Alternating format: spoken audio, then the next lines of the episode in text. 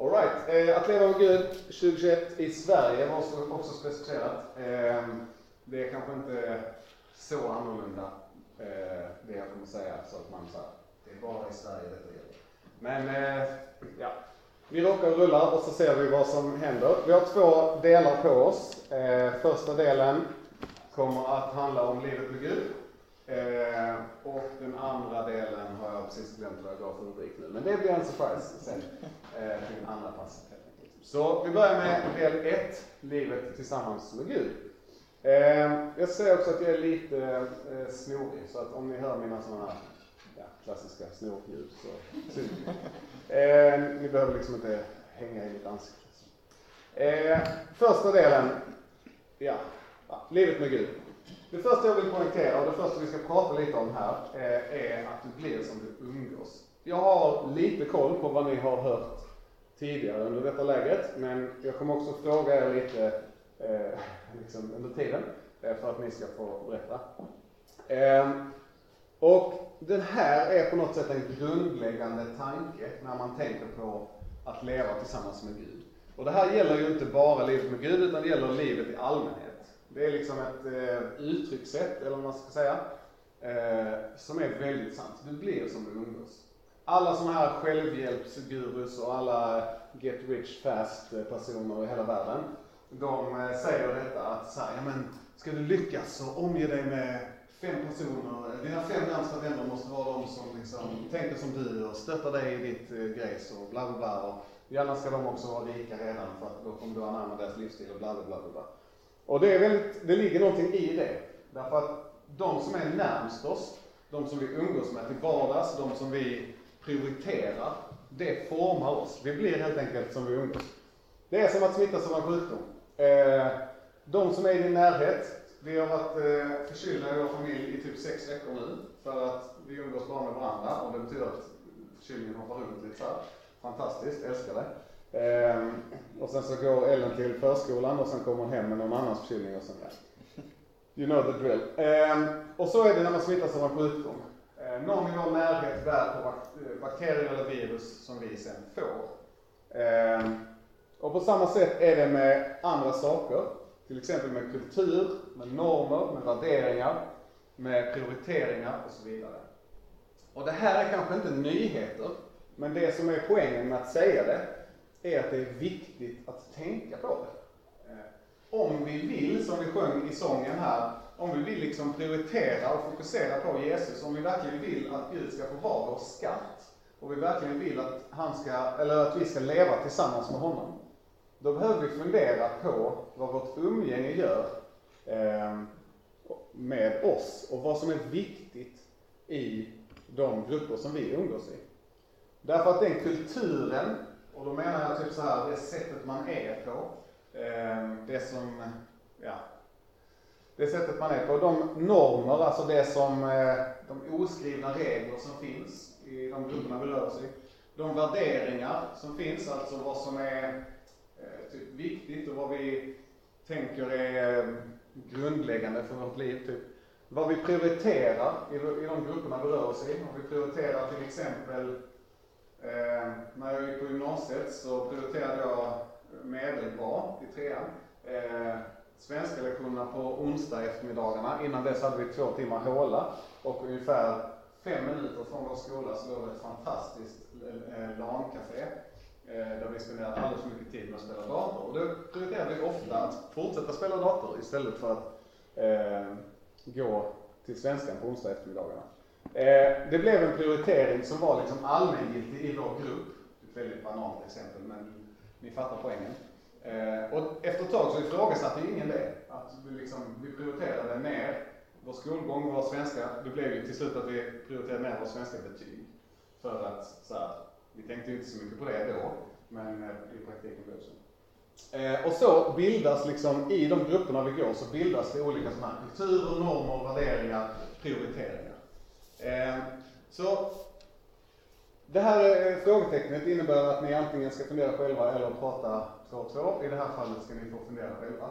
Eh, vad är viktigt i de grupperna som du umgås i?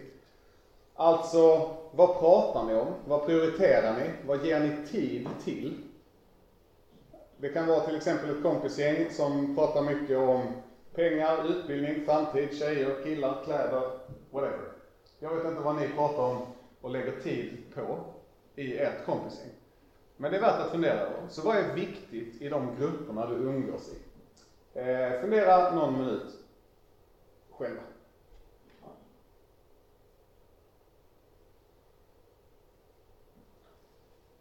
Yes, och så har ni det här eh, i bakhuvudet nu liksom. De här grejerna är viktiga för mig och mina kompisar. Det här prioriterar vi, tänker på och jobbar, eh, håller på mycket med. Eh, och så knallar vi in på det här, jagandet efter vind. Igår, tror jag det var, eh, så kom, var Miriam Svensson här. Stämmer? Ja, bra. Eh, och hon pratade, eller hon hade i alla fall rubriken Jagandet efter vind. Och nu är min fråga till er. Vad är vind egentligen? Please tell me. Okej, okej, inte alla på en gång. Eh, någon som kan säga någonting om vad är vind? I det här uttrycket, jagandet efter vind. Om ni börjar prata om så här lufttryck och hur kall luft och varm luft interagerar med varandra och sånt så blir det, det, blir det. Ja.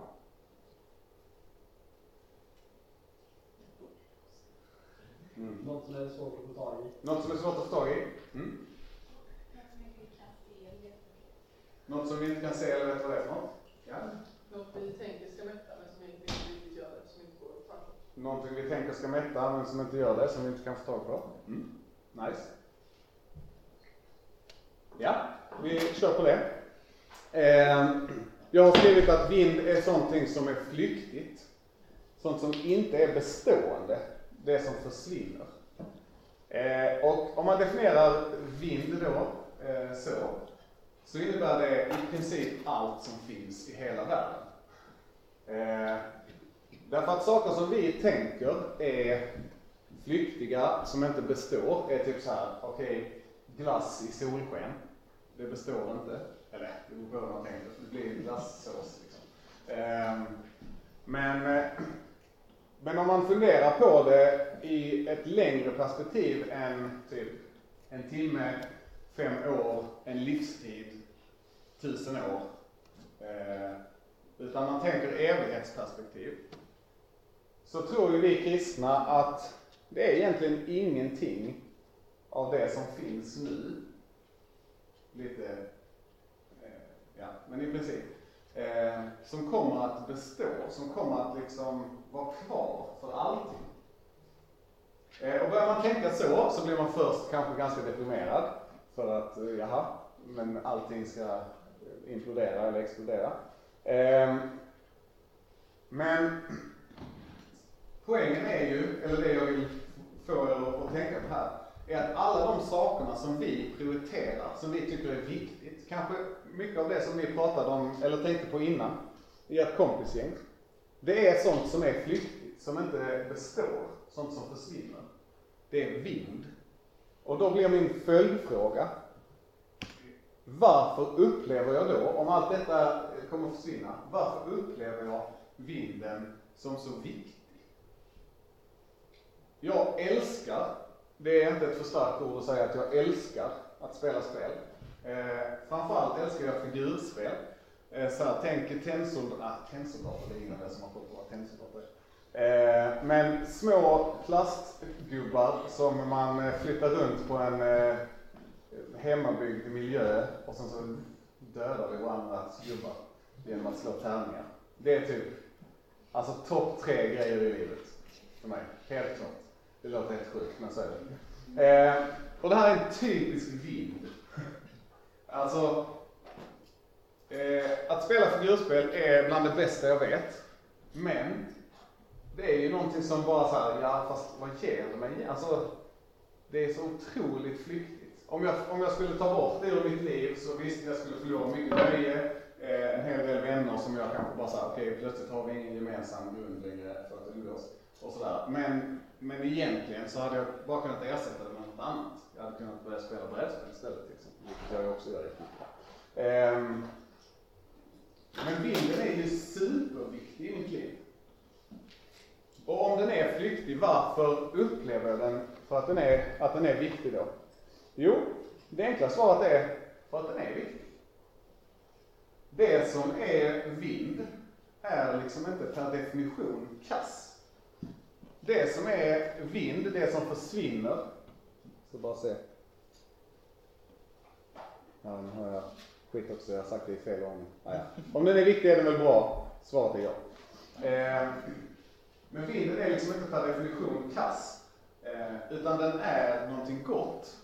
Men problemet är att vårt jagande efter den, vårt liksom, min, alltså all den tid och engagemang som jag investerar i att leka med mina så, så konstiga plastgubbar, eh, den tiden kommer jag ju aldrig få tillbaka. Den hade jag kunnat investera i någonting annat. Men egentligen så är det ju bra därför att det ger mig glädje, det har gett mig nya vänner, det ger mig, det utvecklar min kreativitet, mitt strategiska tänkande och så vidare och så vidare. Så att den är liksom inte per definition dålig. Men problemet är att den är inte heller per definition bra. Den kan vara bra till en grad. Men för mycket av det goda, alltså till exempel att leka med små plastgubbar med mina vuxna kompisar, eh, det blir dåligt. I Bibeln ser vi detta väldigt, väldigt tydligt. Eh, när Israels folk, judarna i Gamla Testamentet, så är de slavar i Egypten. Det är kass. Gud räddar dem. De kommer ut och bara Woo! Livet är fest. Eh, Mose går upp på ett berg och folket sitter där nere i typ så här en, två dagar och sen bara, det är kört. Mose har dött på berget. Gud finns inte. Eh, allt det här goda som vi hade, eh, vi behöver något nytt. Och så vänder de sig bort. Sen vandrar de 40 år i öknen, eller de går inte hela tiden, men ja. Eh, och sen kommer de in och så får de sitt land. De får allt som Gud har lovat, de får det goda. De kommer in i sitt land, de får bosätta sig där, allting är supernice. Gud välsignar folket. Sen går det en generation och folket glömmer vem de har fått allting av. Och så börjar de tänka, det här goda är vårt. Det här goda är någonting som vi har rätt till. Det här goda är det viktiga. Vinden, det som är förgängligt, det som försvinner, blir för dem det viktigaste. Det blir det som de tar fasta på, det som de håller hårt i. De glömmer att de har fått allt det av Gud och då så lämnar de Gud bakom sig. För mycket av det goda, att de fick leva för mycket, för länge i det här goda landet, att få allting serverat, så att säga. Det blir dåligt i längden. Så vinden är viktig och den kan vara god på det sättet att det är någonting positivt. Vi får mycket glädje eh, och andra bra saker ut av det. Men problemet är när vi börjar jaga det och tänka att detta är grejen. Detta är det som kommer att lösa alla mina problem. Okej, okay. vi går vidare. Eh, ni får hålla den här eh, jagandet efter vindtanken, sätt en liten post-it-lapp med den i er hjärna och sen så går vi vidare. Så kommer vi komma tillbaka till det. Ni kommer fatta sen. Eh, en vanlig tanke hos många människor är att jag är som jag är. Eh, vi hade i min familj för några år sedan en fantastisk eh, pågående skämt eh, om att en gång, jag kommer faktiskt inte ihåg nu om det var min fru eller jag som sa, att eh, jag kan inte ändra mig på den här punkten. Där är vi lika, Herren och jag. Vi är oföränderliga. Eh, så jag, ja, vi låtsas att det var min fru du har sagt ja. Eh, men det här är vanligt sätt att tänka i världen. Att jag är som jag är. Eh, vi är bara produkter av det vi omger oss med, av den kulturen vi har växt upp i, av den familjen och så vidare. Eh, alltså har vi inget val. Vi måste bli si och vi måste bli så.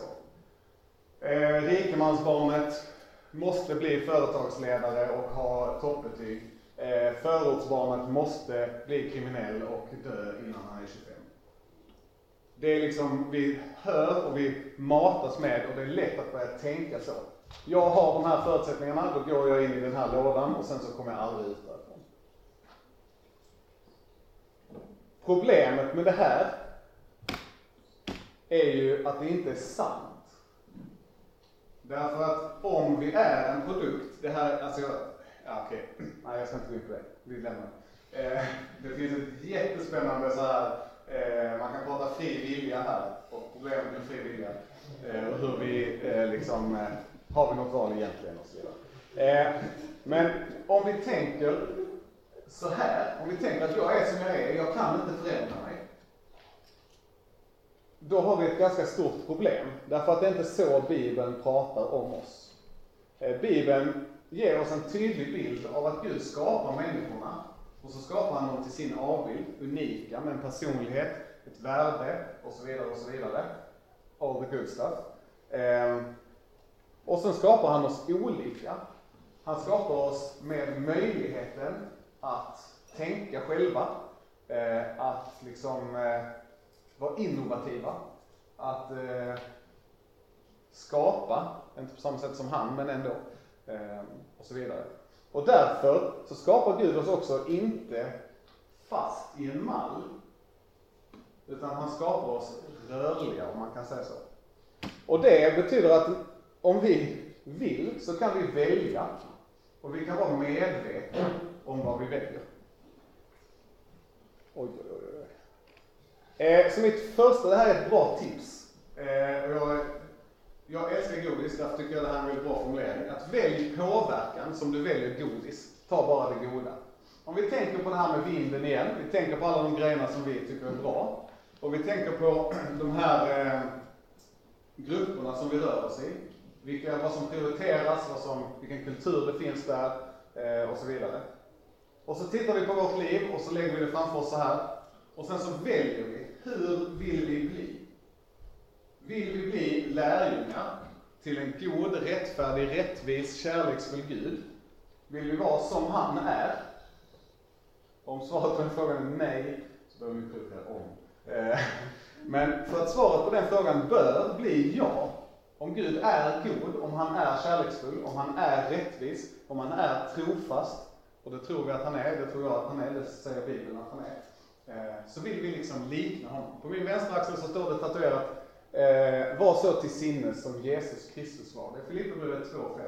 Eh, målbilden för lärjungaskapet, målbilden med att vara, eh, att leva med Gud, är att bli så som Gud är. Och för att göra det så behöver vi välja påverkan. Och det gör vi som vi väljer godis. Ta inte de äckliga saltlakritsarna. No offense till er som gillar dem. Eh, utan ta, precis. Eh, om man gillar dem så tar man dem. Men, eh, men ta liksom det goda. Ta det goda godiset. Och för att vi ska kunna göra det så behöver vi fundera över vem utövar mest påverkan i våra relationer? Om ni tänker tillbaka på den här sliden där ni fick fundera på era grupper, eh, liksom era kompisgäng och så här. Vad är viktigt där? Vad prioriterar ni? Är det en gemenskap där det finns en dålig kultur kring hur man pratar om varandra? Är det en gemenskap där man kanske snackar skit bakom ryggen på den som inte är där? Eh, så är det i många gemenskaper, framför allt i skolan, högstadiet, gymnasiet. Ehm, så kan det vara. Och då bör man börja fundera på vem i den här gruppen, vem kring mig utövar mest påverkan i mina relationer. Alltså, jag och Daniel känner varandra, vi är kompisar. Vem av oss utövar mest påverkan i vår relation? För att det är alltid, och det här är kanske lite, alltså det är knasigt att gräva ner sig i detta kanske, men, men det är alltid någon. Alltså en av oss kommer vara den som har mest inflytande över den andra i fråga om vad vi tänker, hur vi agerar, vad som är viktigt i livet och så vidare. I vissa fall så är det formellt inrättat. Nu är det så här, Daniel är ungdomsledare i LU. Jag jobbar i LU. Det betyder att i vissa fall så har jag liksom rent formellt så här att okej okay, Daniel, du ska tänka så här, du ska göra detta. Då utövar jag påverkan. Men i en kompisrelation så är det kanske annorlunda, eller det är alltid annorlunda. Därför att jag har inget formellt liksom uppdrag som säger att jag ska utöva mest påverkan. Men det är, no det är någon som gör det i er kompisgäng. Så fundera lite på, vem utövar mest påverkan i den gruppen du funderade på innan? Vem är det som, vems vilja gäller oftast? Fundera.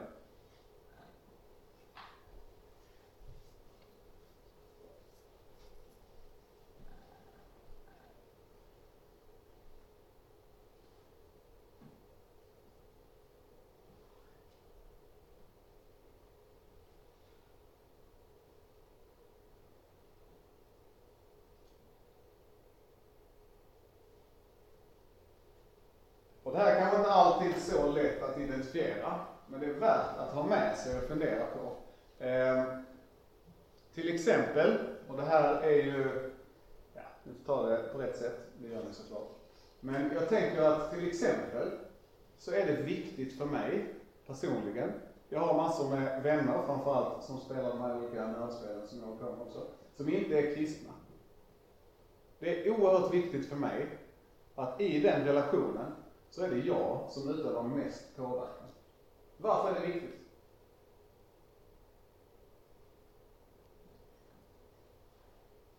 Någon som vågar? Ja, kul. Mm, Jag tänker lite att eh, för att vi, alltså, vill liksom eh, kanske inte få inflytande. Om, du, om någon vill följa Guds ord så är det kanske eh, inte så smart att tänka liksom att eh, få inflytande av som vilja. Eh, Ja, shoot. Jag tänker att du väl påverka den icke-kristna kompisen så att hen blir kristen istället för att du blir mindre troende. Låt mig ta de här två svaren och så bara slår vi ihop dem till ett och så säger vi helt rätt. Poängen med att jag vill vara den som utövar mest påverkan är för att mina icke-kristna kompisar, de är fantastiska människor, men de är också inte kristna. Vilket gör att de prioriterar, värderar och funderar på andra sätt än vad jag vill. Därför att om jag vill följa Gud, så vill jag att jag ska fortsätta följa Gud och att de ska börja följa Gud. Därför är det viktigt för mig att jag utövar mest påverkan. Därför så ska vi följa alla de här eh, Get Rich Fast-gurusarna eh, och så ska vi välja oms med omsorg. Eh, och det här gäller liksom på alla områden i livet. Jag väljer mina vänner med omsorg. Både på det sättet att jag behöver vissa vänner som jag bara kan prata med och säga snälla bara ge mig någonting från Gud. Och så kommer de och så säger de, men du Robin läs Efesierbrevet 2, första åtta verserna, wow! Bam! Så bara, brrr, och så blir jag jätteuppbyggd och så är det fantastiskt. De vännerna har jag valt att bara säga, jag behöver några sådana. Sen har jag också valt några andra vänner som jag vet är, kanske jag skulle skratta hånfullt eller rent ut sagt eh, tycka att jag är dum i huvudet om jag börjar prata med dem om Efesierbrevet 2. Därför att de behöver lära känna Jesus. De behöver fatta att det som står i Efesierbrevet 2, eh, är superviktigt och värdefullt för deras liv. Så då väljer jag några sådana, framförallt mina spelkompisar, och sen så har jag några andra, framförallt i kyrkan. Och sen så har man ett litet spann däremellan med folk som rör sig på skalan. Eh, så att när ni funderar på era relationer och när ni vill leva med Gud så behöver ni tänka så här, tror jag. Man ska inte övertänka det, man ska inte analysera varenda person. Men ibland så kommer man till eh, liksom punkten att jag inser att, vänta nu här, Amandus, drar han mig mot Gud eller från Gud? Och sen så inser jag att Amandus drar mig från Gud jättemycket. Nu är det här ett teoretiskt exempel, alltså det är egentligen tvärtom. Eh, men då, så behöver, då behöver jag kanske fundera på den relationen och hur, vi kan, hur jag kan jobba med den. Nu är jag väldigt tacksam för att Amandus i det här fallet drar mig mot Gud eh, i princip alltid när vi träffas.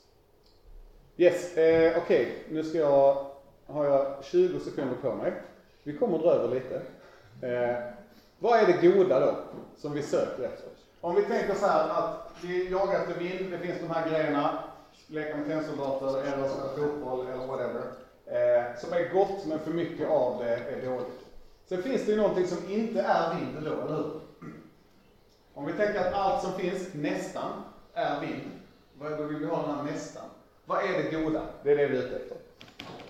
Eh, tre bibelord. Det första från Psaltaren. Eh, nu är det kanske inte ordagrant in sig här för att jag citerade det från huvudet innan jag, ja skitsamma. Eh, om du är en man som älskar det goda i livet, eh, eller det står nog egentligen typ, eh, om du älskar eh, livet och vill leva gott eller något sånt, ja skitsamma. Eh, så avhåll din tunga från svek, bla bla bla bla bla. Det finns massa bra grejer där. Eh, I Matteusevangeliet så säger Jesus att Maria, som sitter vid Jesu fötter istället för att hjälpa till med disken, hon har valt den goda delen och den ska inte tas ifrån henne. Petrus, eh, ett av mina absoluta favoritcitat. När de är uppe på förklaringsberget, alltså Jesus, innan han dör så förhärligas han där och så kommer eh, Gud säger liksom att eh, this is my dude och sen så eh, är några av lärjungarna där. Då säger Petrus, det är gott att vara här. Låt oss bygga tre hyddor. En till dig, en till Jesus, en till Mose och en till Elia. Och sen kan vi bo här för alltid. Eh, det som är gott då, varför är det gott att vara där? Jo, det är därför att Gud är där. Maria, hon väljer den goda delen, den som inte ska tas ifrån henne. Vad är det för del hon väljer? Jo, det är att sitta vid Jesu fötter, att umgås med honom, att lyssna till det han har att säga. När Saltaren eh, pratar om vad vi ska göra, så pratar han om saker som Gud har sagt. Avhåll dig från de här sakerna som är kass. Håll dig till det goda. Håll dig till Gud. Sätt dig vid Jesu fötter. Bygg en hydda där. Och sen så bara bo där. Det är poängen. Det goda är att vara med Gud. Och det är kanske är tråkigt, jag har skrivit inom parentes för att ni har säkert hört det innan. Eh, Men det är sant att det goda, det hittar vi när vi läser Bibeln, när vi ber, i gudstjänsten och i gemenskapen med andra kristna. Det är liksom ingen raketforskning på det sättet att vi kristna kommer någon gång att bara hittas bara haha! Det här har de kristna på 2000 år inte kommit på. Men den här grejen att eh, lyssna på, eh, jag vet inte, Shane and Shane, lovsånger, bara. Det är liksom, det är vägen till att umgås med Gud. Det är jättebra, gör det. Men genom hela eh, kyrkans historia så är det Bibeln, bönen, gemenskapen med andra kristna och framförallt gudstjänsten som har varit det som formar lärjungar, som drar människor närmare Gud och som bygger den gemenskapen. För att kunna leva med Gud 2021 så behöver vi liksom slänga in de här i eh, vårt liv. Eh, ni ska sen få fundera på det här, hur gör du verklighet av detta i ditt liv? Eh, det kommer efter nästa pass. Men nu ska ni först få Abels bästa tips för att umgås med Gud. Alla kommer upp. Nej. Eh, tips nummer ett. Surprise, surprise! Eh, läs Bibeln. Och det kanske låter så här, ni. Men då tänker jag så här, jag ska ändå lite konkretisera mig lite. Läs ofta det du gillar i Bibeln stilmässigt. Jag älskar breven. Jag läser ofta breven. Jag älskar profeterna i Gamla Testamentet. Jag läser ofta profeterna. Evangelierna, helt okej, okay, men liksom inte min bästa del av Bibeln. Eh, då läser jag oftare breven och sen ibland läser jag det andra. Ibland läser jag Moseböckerna. Jag läser evangelierna oftare än jag läser Moseböckerna. Det finns en skala här. Men poängen är inte att du ska bedöma dig själv utifrån så här, nu har jag läst, nu har jag läst Filipperbrevet fem gånger, men jag har inte läst en enda GT-profet. Shit vad jag är dålig. Det är klart att det är bra för dig att läsa GT-profeterna också. Men framförallt är det sjukt bra att du läser Bibeln. Så läs det du gillar ofta och ibland det andra. Läs längre stycken även om det känns som att du inte fattar allting. Läs utan att få dåligt samvete om du inte läste igår eller i förrgår eller denna månaden och så vidare. Läs Bibeln. Tips två. Öva dig att tänka på Gud. Eh, kanske konstigt. Men i vardagen så bara gå runt och sen så tänker du, så ser du ett fantastiskt träd och så tänker du wow, shit vilket nice träd. Tänk att Gud har skapat det. Och sen går du vidare. Och så kommer du till skolan och så tänker du arkitektur, ändå fett. Tänk att Gud har gett oss hjärnor som kan eh, skapa sådana här feta hus. Sen går du vidare. Och så håller du på så. Öva dig i att tänka på Gud i vardagen. Tänk att han har skapat världen så cool. Tänk på att när du gör något fel så finns han där. Tänk på hans kärlek, han offrar sig för vår skull. Tänk på bibelord du kan, skit i om du kommer ihåg dem helt rätt eller inte. Öva dig att tänka på Gud. Nästa. Öva dig i tacksamhet till Gud. När vi börjar gå runt där och tänker på det där trädet som var så fint, eh, så tänker vi wow, coolt att Gud har gjort det. Då har vi tänkt på Gud, då går vi till nästa punkt. Wow, tack Gud för att det finns en så häftig natur. Tänk att jag får bo i Sverige med skitfin eh, natur, så här jättefina träd. Jag älskar hösten. Och det är liksom, alltså vi var ute i skogen i, eh, häromdagen. Så här, fantastiskt, det ligger liksom ett orange lövtäcke överallt, men hälften är kvar i träden. Så att det är liksom, man bara går i någon sån här sagovärld och det bara, ah, alltså jag, jag smäller av.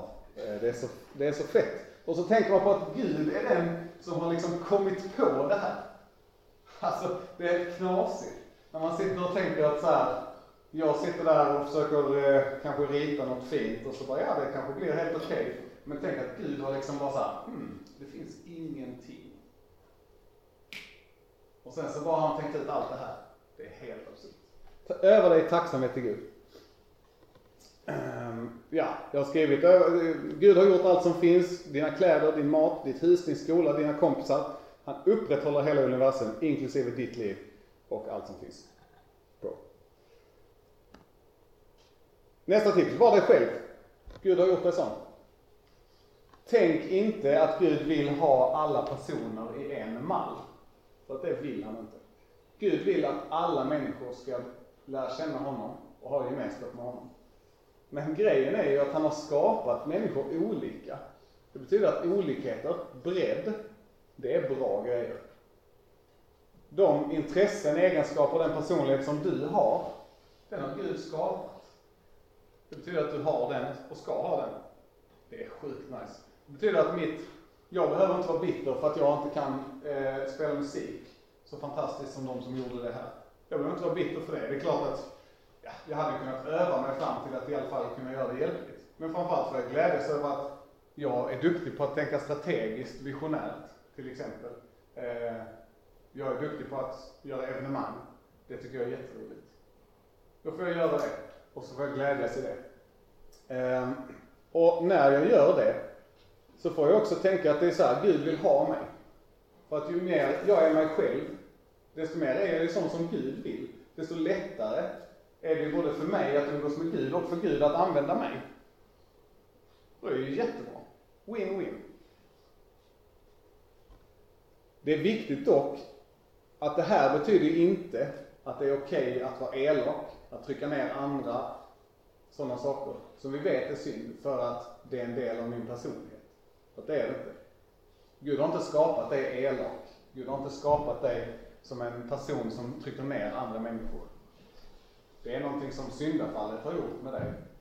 När människan och allt som finns blev brustet, söndrigt.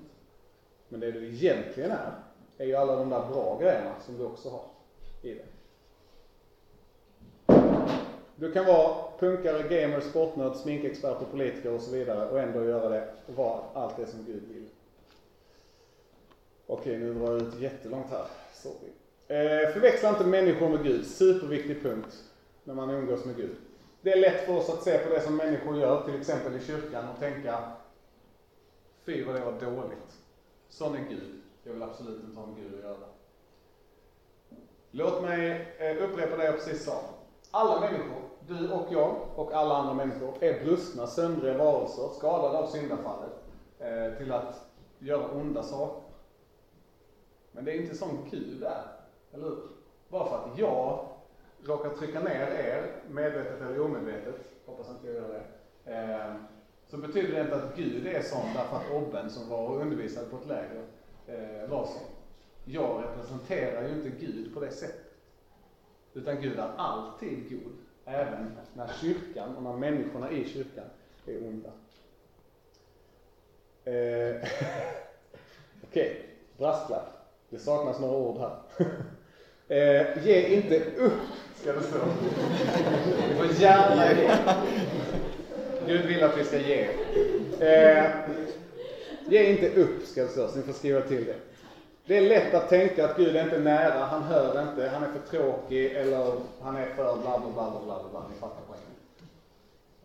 Men Gud är ingen av, de, ingen av de sakerna. Utan det handlar om att vi behöver lära känna honom bättre.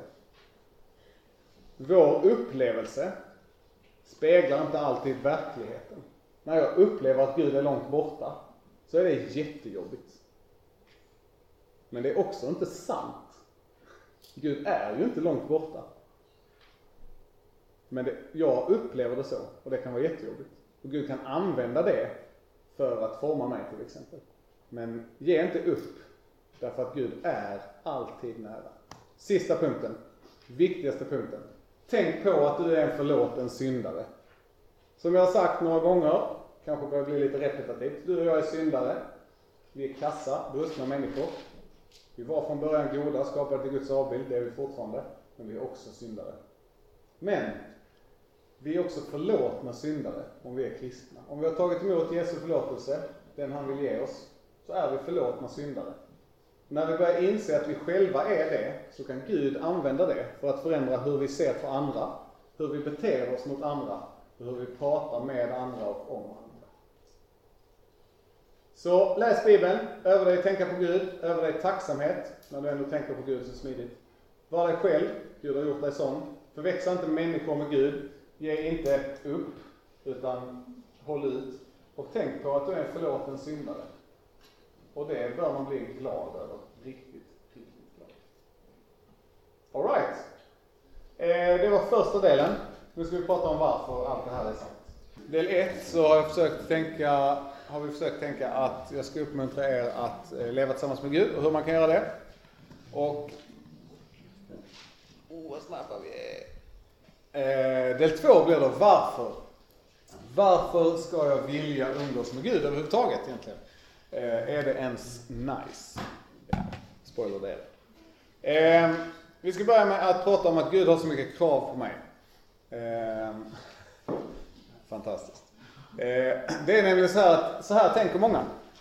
Jag har tänkt så i perioder i mitt liv. Att lärjungaskapet, det här att vara med Gud, eh, att vara kristen, det är kravfyllt. Alltså det är, det är helt enkelt fyllt av krav. Det är bra med sådana sammansatta ord som förklarar sig själv. Eh, lärjungaskapet upplevs lätt av oss som kravfyllt. Alltså att Gud säger att ja, men gör detta, gör detta, var så här. Eh, Håll inte på med detta, men gör detta istället och så vidare. Eh, och när man då ska fundera på varför ska jag egentligen eh, vilja leva med Gud? Så varför ska jag göra som han vill? Så är det viktigt att bemöta detta, tänker jag. Och problemet när man tänker så här är att man har en felaktig gudsbild. Eh, man tänker att Gud är krävande, att han är tvingande, eh, alltså att jag inte kan välja själv, att han är styrande, alltså att oavsett vad jag vill så kommer han att bara så pusha in mig på de här sakerna. Eh, och man kan alltså, alltså, eller man kan vara kristen med den här gudsbilden på det sättet att man kan gå i gudstjänst, man kan leva sitt kristna liv, man kan liksom göra alla de här sakerna som man tänker att Gud vill att man ska göra. Eh, och tänka att ja, ja, men jag uppfyller ju alla kraven. Problemet är att då är man som fariseerna är i Bibeln.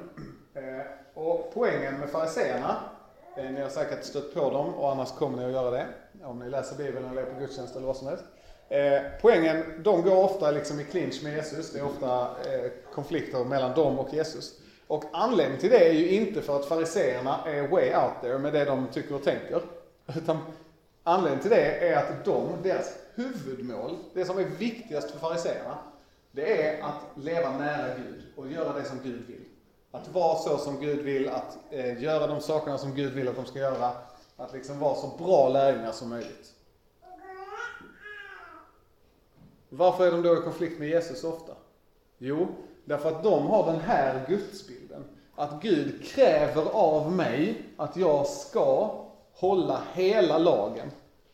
Det är liksom det enda sättet som jag kan bli accepterad av Gud. Om jag gör exakt allting som han har sagt. Det är det enda sättet för mig att bli accepterad av Gud. Och fariséerna är sjukt bra på att göra allting som Gud säger. Tyvärr är de människor som klarar det inte riktigt. Och anledningen till att Jesus går i clinch med dem är för att han, som är Gud själv, han har ju koll på vad Guds poäng är när Gud säger att du ska inte mörda, du ska inte trycka ner andra, du ska inte snacka skit, du ska inte, du ska ge tionde och så vidare. Och, så vidare. och poängen är ju inte att visa att Gud är en krävande Gud som tvingar och styr oss. Utan poängen är ju att Gud vill genom de här reglerna som Gud ger till Israels folk i Gamla Testamentet, läs Moseböckerna, eh, är att han vill visa på hur de kan vara så som han är. Därför att när Gud eh, ger reglerna, de som fariséerna sen använder, så säger han inte så här, du måste, jag tar mitt favoritexempel, eh, ni har kanske hört det innan, men du får inte skörda din åker hela vägen ut i kanten. Utan du måste lämna en liten bit längst ut. Så bara så här, va? Det är en super weird regel. Fariséerna, ingen av oss skördar längst ut. Alltså kolla, kolla på min, jag har lämnat två decimeter, så kommer nästa farisé. Kolla, jag har tre. Och så håller de på så. Och så är de liksom så här, yes, fy vad gött, vi skördar inte hela vägen ut. Men, sen kommer ju, när Gud säger, ni ska inte skörda hela vägen ut, så kommer också varför. Jo, så att de fattiga, de som inte har någon åker, ska kunna komma och skörda det och göra bröd och äta sig mätta. Regeln finns inte till för att Gud är en styrande, tvingande Gud. Utan regeln finns till därför att Gud är kärleksfull, därför att han är god, därför att han söker gemenskap med oss och vill forma oss till att också vara kärleksfulla och goda. Poängen med fariseernas alla regler, för dem är det att vi ska på något sätt förtjäna en frälsning från Gud.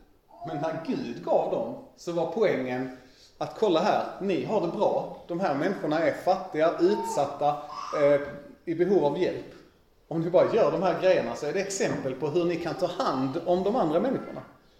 Men fariséerna har totalt missat det och därför, när Jesus kommer och lever så som Gud vill, där han säger att ja, men regeln är ju sekundär till att ta hand om människorna, så lackar de på varandra. För att rätt gudsbild är att Gud är just kärleksfull och god. Han söker gemenskap med oss och han är inte styrande utan han är formande. Han vill att vi, han ger liksom ett exempel. Så här är det, det här är det goda. Och sen så vill han att vi ska gå in i det, att vi ska välja det. Och då är han där och säger, ja men jag kan hjälpa dig med detta, jag kan forma dig. Så att du blir ännu godare, ännu mer kärleksfull.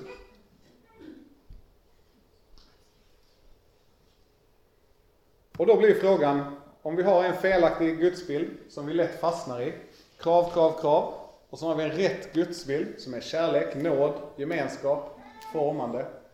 Hur når vi en sån gudsbild då? Och jag kommer ge två, eh, två vägar, två förslag på hur man kan eh, öva sig i att få den gudsbilden. Det finns säkert fler. Eh, men de här två har varit viktiga för mig och jag tror att de, är, eller jag, när jag läser Bibeln så upplever jag som att de här är väldigt grundläggande i Bibeln. Den första är att Gud är värd det. Varför ska jag umgås med Gud? Varför ska jag vilja följa honom? Varför ska jag ära honom? Varför ska jag tillbe honom? För att Gud är värd det. Den andra, varför ska jag göra alla de här sakerna? Varför ska jag älska, tillbe honom, följa honom, umgås med honom? Jo, för att Gud älskar och har alltid älskat oss. Så vi börjar med den första. Gud är värd det. Grundpoängen här. Gud är alltid värd vår tillbedjan. Om ni har en kompis som är eh, ett riktigt as. Ni har, jag tänker att ni alla har en sån kompis. Eh, jag har haft sådana kompisar i mitt liv som liksom passerar. Eh, men man har ofta någon som man bara, den här, det är ändå en, alltså så här, jag älskar den personen men den är ingen hit liksom. Eh, när man har en person som är ett riktigt as, som ändå är ens vän och som man eh, älskar, så blir man liksom inte så sugen på att älska den. Alltså det är inte, det är svårt. Eh, I min familj ibland så säger vi saker som att eh, när man, eh, ja, så här, jag tog den sista chokladbollen. Då säger min fru, det är svårare att älska dig just nu. För att hon hade också velat ha den. Jag tycker det är en bra beskrivning. Eh, det är ju, jag, jag, jag har full förståelse för henne eh, i den situationen. Men så är det, när vi har den här kompisen som är ett riktigt as så är det svårare att älska den personen. Men å andra sidan så har vi ju kanske också den här kompisen som är liksom fem av fem. Alltså som är bara så här, alltid rolig, alltid trevlig, förutom när jag är ledsen och behöver stöd. För då är den väldigt omhändertagande och liksom så här inkännande, lyssnar, pratar inte själv. När jag är trött och inte orkar liksom eh, göra någonting så bara sitter vi i soffan bredvid varandra och det är gött liksom och så vidare. Den kompisen, som är lätt att älska. Sån är Gud. Gud är den kompisen som är lätt att älska. Därför att när vi verkligen lär känna Gud så kommer vi inse att alla de sakerna som Bibeln berättar om honom, att han är god, och inte bara såhär, liksom, inte god som är utan det, utan han är god som är att han alltid, alltid, utan undantag, gör det som är gott, det som är bra. Han är liksom i sig själv kärlek. Han är liksom i sig själv trofasthet, alltså han, är, han överger oss aldrig. Han är i sig själv rättvisa och rättfärdighet. Alla de här grejerna som gör att man bara så här, det här är bra skit. De grejerna är Gud. Och utan honom så existerar inte de. Därför är Gud värd vår tillbedjan, alltid. För att han är de här sakerna. Det spelar ingen roll vad jag tycker, vad jag tänker och vad jag känner. För att om Gud är den Gud som beskrivs i Bibeln, så är det helt irrelevant vad jag eller mina icke-kristna kompisar tycker och tänker om Gud. Allihopa, alla vi som finns, alla människor, borde tillbe Gud, borde älska honom. För att han är värd det. Det är liksom, ja, ibland säger man att en person är älskvärd. Och det säger man ofta om den här 5 av 5 kompisen. Ja, det är verkligen en älskvärd person, kommer farmor och mormor liksom. Oh, han är så älskvärd. Han är liksom lätt att älska. Det är Gud. Eh, och vi ska slå upp, eh, eller jag ska läsa. Ur Daniel, och det här är kanske lite konstigt eh, bibelord på det här eh, temat, men jag tycker det är så otroligt bra. Eh, vi slår upp Daniel. Om man hittar det. Mikael är det långt. Daniel 3, vers 17, 18 och 28. Man kan gärna läsa hela detta stycket, men eh, det är så här i, eh, det är en kung, Nebukadnessar. Han har tillverkat en 30 meter hög guldstaty. As you do. Eh, den var också 3 meter bred. Och så har han ställt den på ett, ett stort fält utanför stan. Och så säger han att alla måste tillbe den. Ja? Fråga? Nej? Okej, okay. förlåt. Det var inget. Ehm, så säger han så alla, hela folket liksom, måste komma dit och tillbe. Ehm, och om man inte gör det så blir man kastad i en brinnande ugn. Perfekt, det är så man är kung på ett bra sätt. Eh, så kommer det då tre snubbar, Sadrak, Mesak och Abednego. Egentligen heter de något annat, men eh, de kallas det för att, ja, okej, okay, vi går long story. Eh, och sen så eh, pratar de så här då. De vägrar tillbe statyn då. Surprise, surprise. 17. Om den Gud som vi dyrkar kan rädda oss ur den brinnande ugnen och ur din hand, så räddar han oss. Men om inte ska du veta, o kung, att vi ändå inte dyrkar dina gudar, eller tillber den guldstaty som du har ställt upp.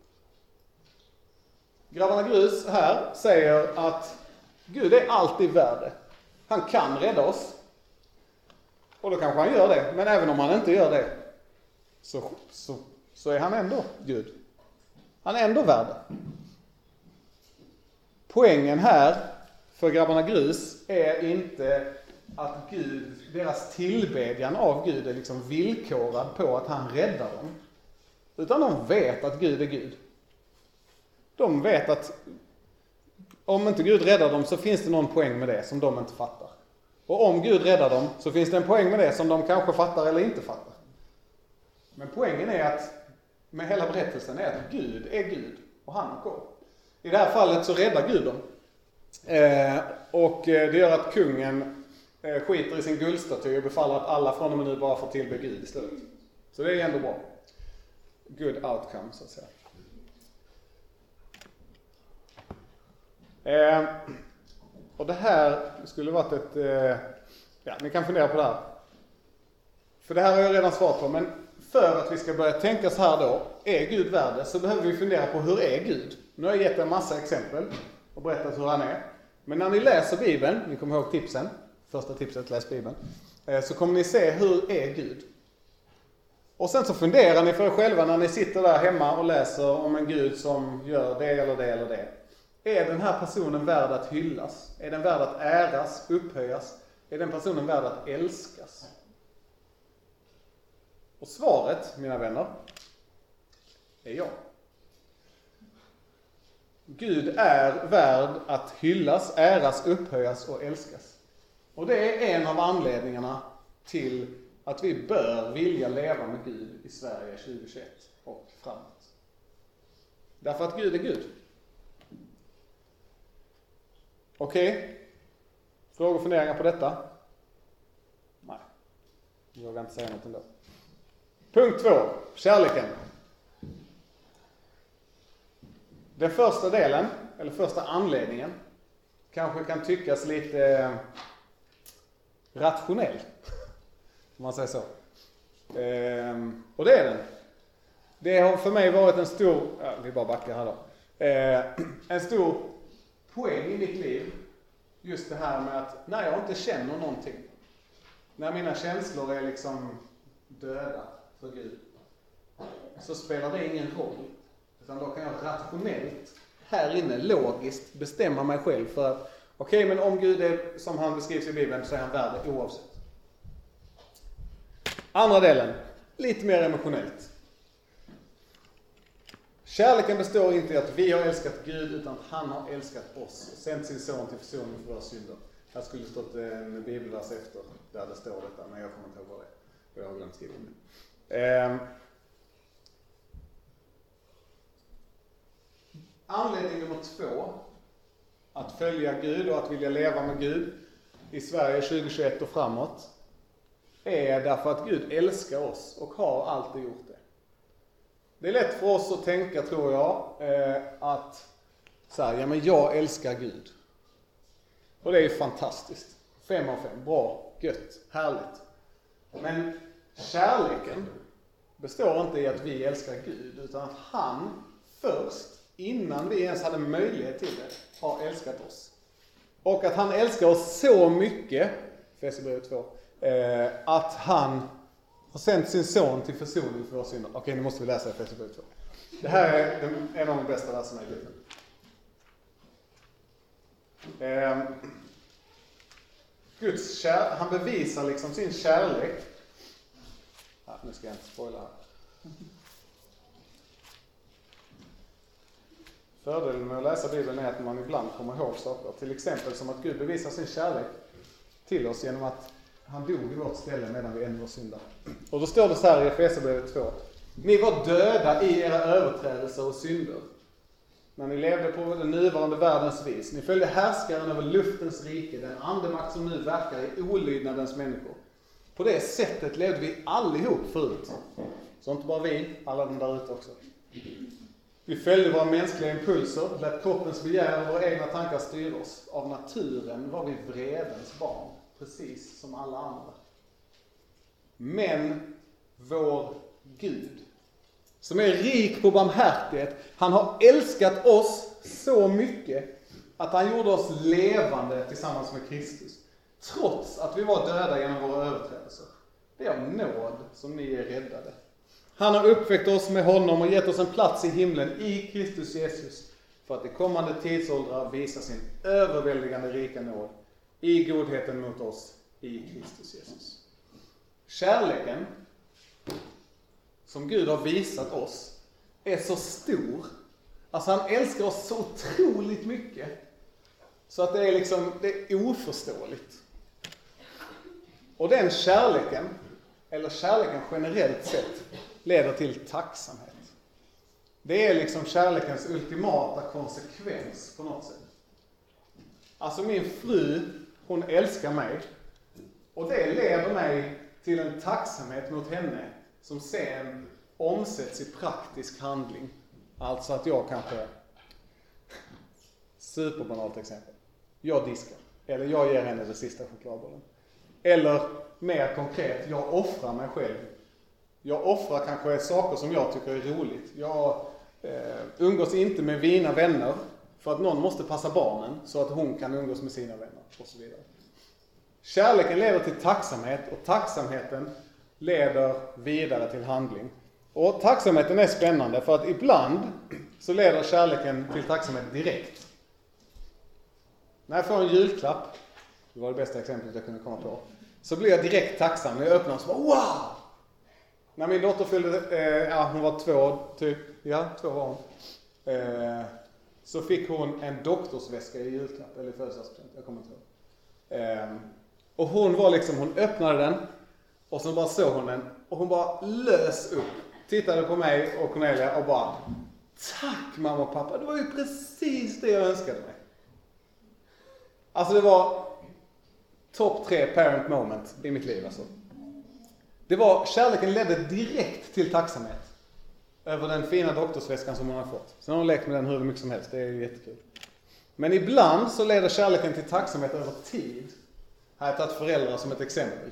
När man är barn så är man ofta i början ganska tacksam för sina föräldrar. Man kanske inte tänker så mycket på det. Min treåring är ju, alltså det är uppenbart att hon är tacksam för oss. Hon kommer och vill leka med oss hela tiden och ska liksom gosa och det ena med det femte.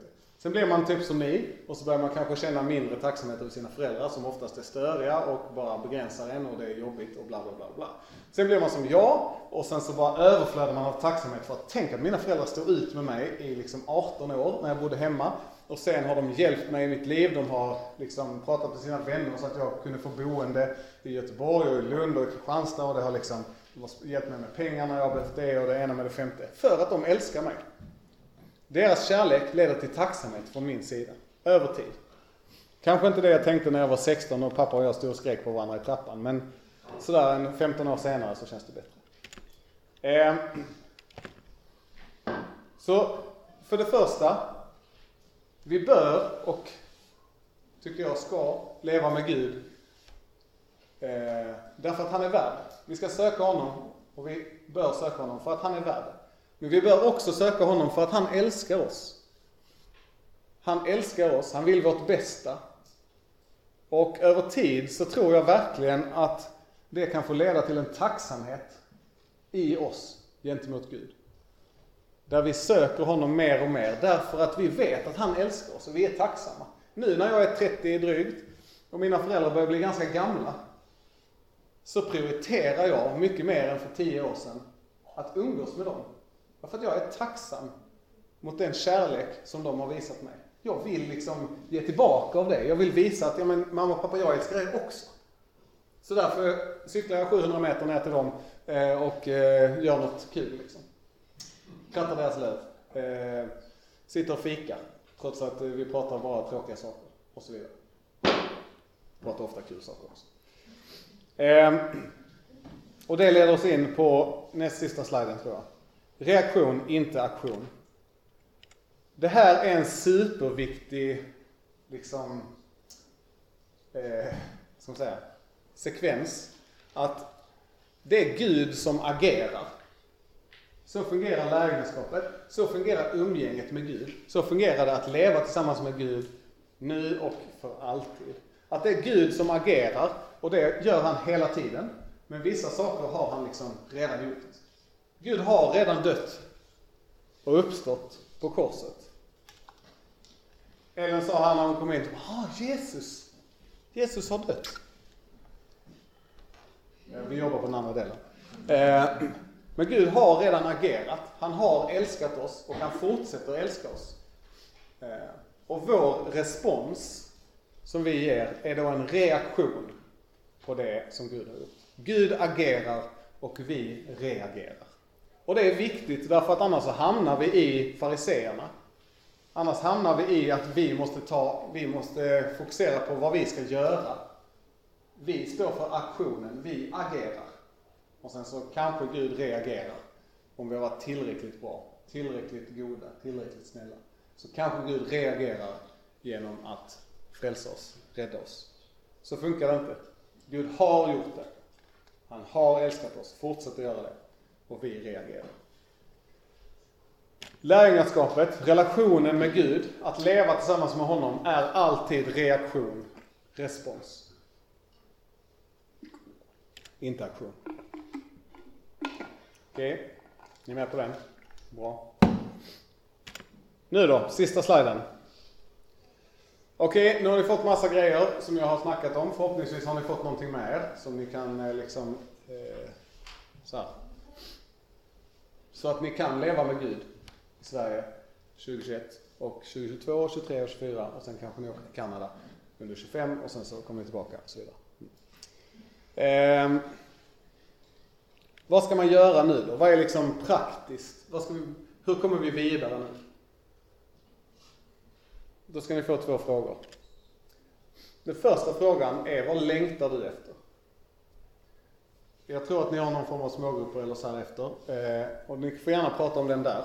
Eh, ni får också gärna fundera på den själva. Vad längtar du efter? Och nu tänker jag inte så här som Ellen, hon längtade efter en doktorsväska. Eh, utan jag tänker mer, ni är lite äldre. Ni kanske längtar efter något mer substantiellt. Men eh, vad längtar ni efter i ert liv? Längtar ni efter en karriär? Pengar? Bli känd? Gemenskap? Kärlek? Ehm, och så vidare, och så vidare. Vad helst ni kan tänka. Vad längtar du efter? Vem kan ge dig det?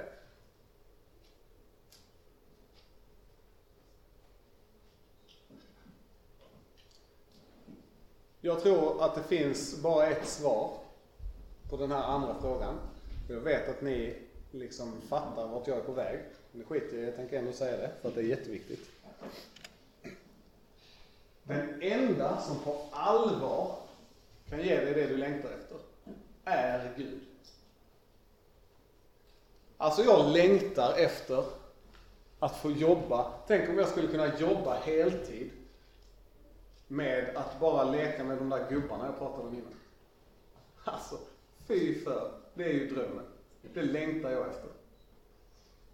Men är det verkligen det jag längtar efter på riktigt? Nej, det jag längtar efter på riktigt, det är ju någon som ser mig, som förstår mig, som älskar mig, som kan ge mig gemenskap, som kan förlåta när jag gör allt det som jag gör som är dåligt och så vidare. Vem kan ge mig det? Det finns bara en person. Det är Gud själv. Därför ska vi först söka Guds rike och hans rättfärdighet. I praktiken innebär det ju helt enkelt att vi behöver umgås med Gud. Först och främst, innan jag börjar tänka på, ah, men jag kanske ska jobba lite på det där om jag vill jobba med det där, eh, med gubbarna. Så innan dess ska jag tänka på att jag ska öppna min bibel. Jag ska läsa bibeln, jag ska börja öva mig i att tänka på Gud, jag ska öva mig i att vara tacksam mot Gud och alla de där andra grejerna. För att om vi börjar med Gud så vill han ju vårt bästa, eller hur? Han älskar oss. Han vill ge oss allt gott. Så sök först Guds rike, så ska du få allt det andra också. Och allt det andra här handlar inte om att Gud är en automat som man stoppar in eh, lite sökande av Guds rike och hans rättfärdighet så får du ut eh, 50 000 dollar på ditt konto och ett eh, Instagramkonto med 18 miljarder följare. Utan det handlar om att när du först söker Gud och hans rättfärdighet så kommer han att se till sen att du har allt du behöver och allt det som du egentligen vill ha.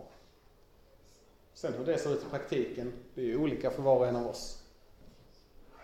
Kanske innebär det att du får ett Instagramkonto med 18 miljoner följare över tid. Tänk vilken plattform du har då för att prata om Gud. Det är helt absurt. Ljusigt.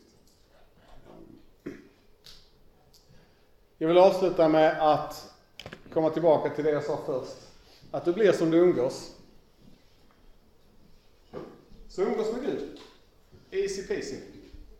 Om du vill vara en lärjunge, om du vill lära känna Gud, om du vill vara kristen. Det enklaste sättet att vara det, det är att umgås med Gud. Då kommer du att vara det och du kommer fortsätta vara det. Vi ber tillsammans. Herre, jag tackar dig för att du först har älskat oss, för att du är så fantastisk, att du har gjort allt för oss. Jag tänk, tack för att du har gjort liksom allt mer än vad vi kan drömma om, mer än vi någonsin förtjänar, Herre. Tack för att du är god, tack för att du är kärleksfull. Tack för att du är värd vår tillbedjan, vår lovsång, vår kärlek, allting. Jag ber att du ska fästa den sanningen i våra hjärtan, Herre. Att du ska visa för oss vem du är, att du över tid också, gärna nu, men på något sätt ändå, bara forma oss och, och visa oss vem du är. Hjälp oss att se dig och hjälp oss att vara öppna för det du vill säga oss och den du vill att vi ska vara. Hjälp oss att umgås med dig. Hjälp oss att först söka dig och ditt rike och din rättfärdighet.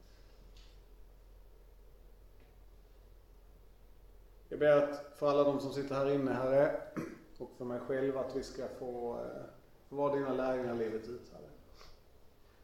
Sen människor, sammanhang, evenemang, eh, whatever, i vår väg som gör att vi stannar kvar hos dig.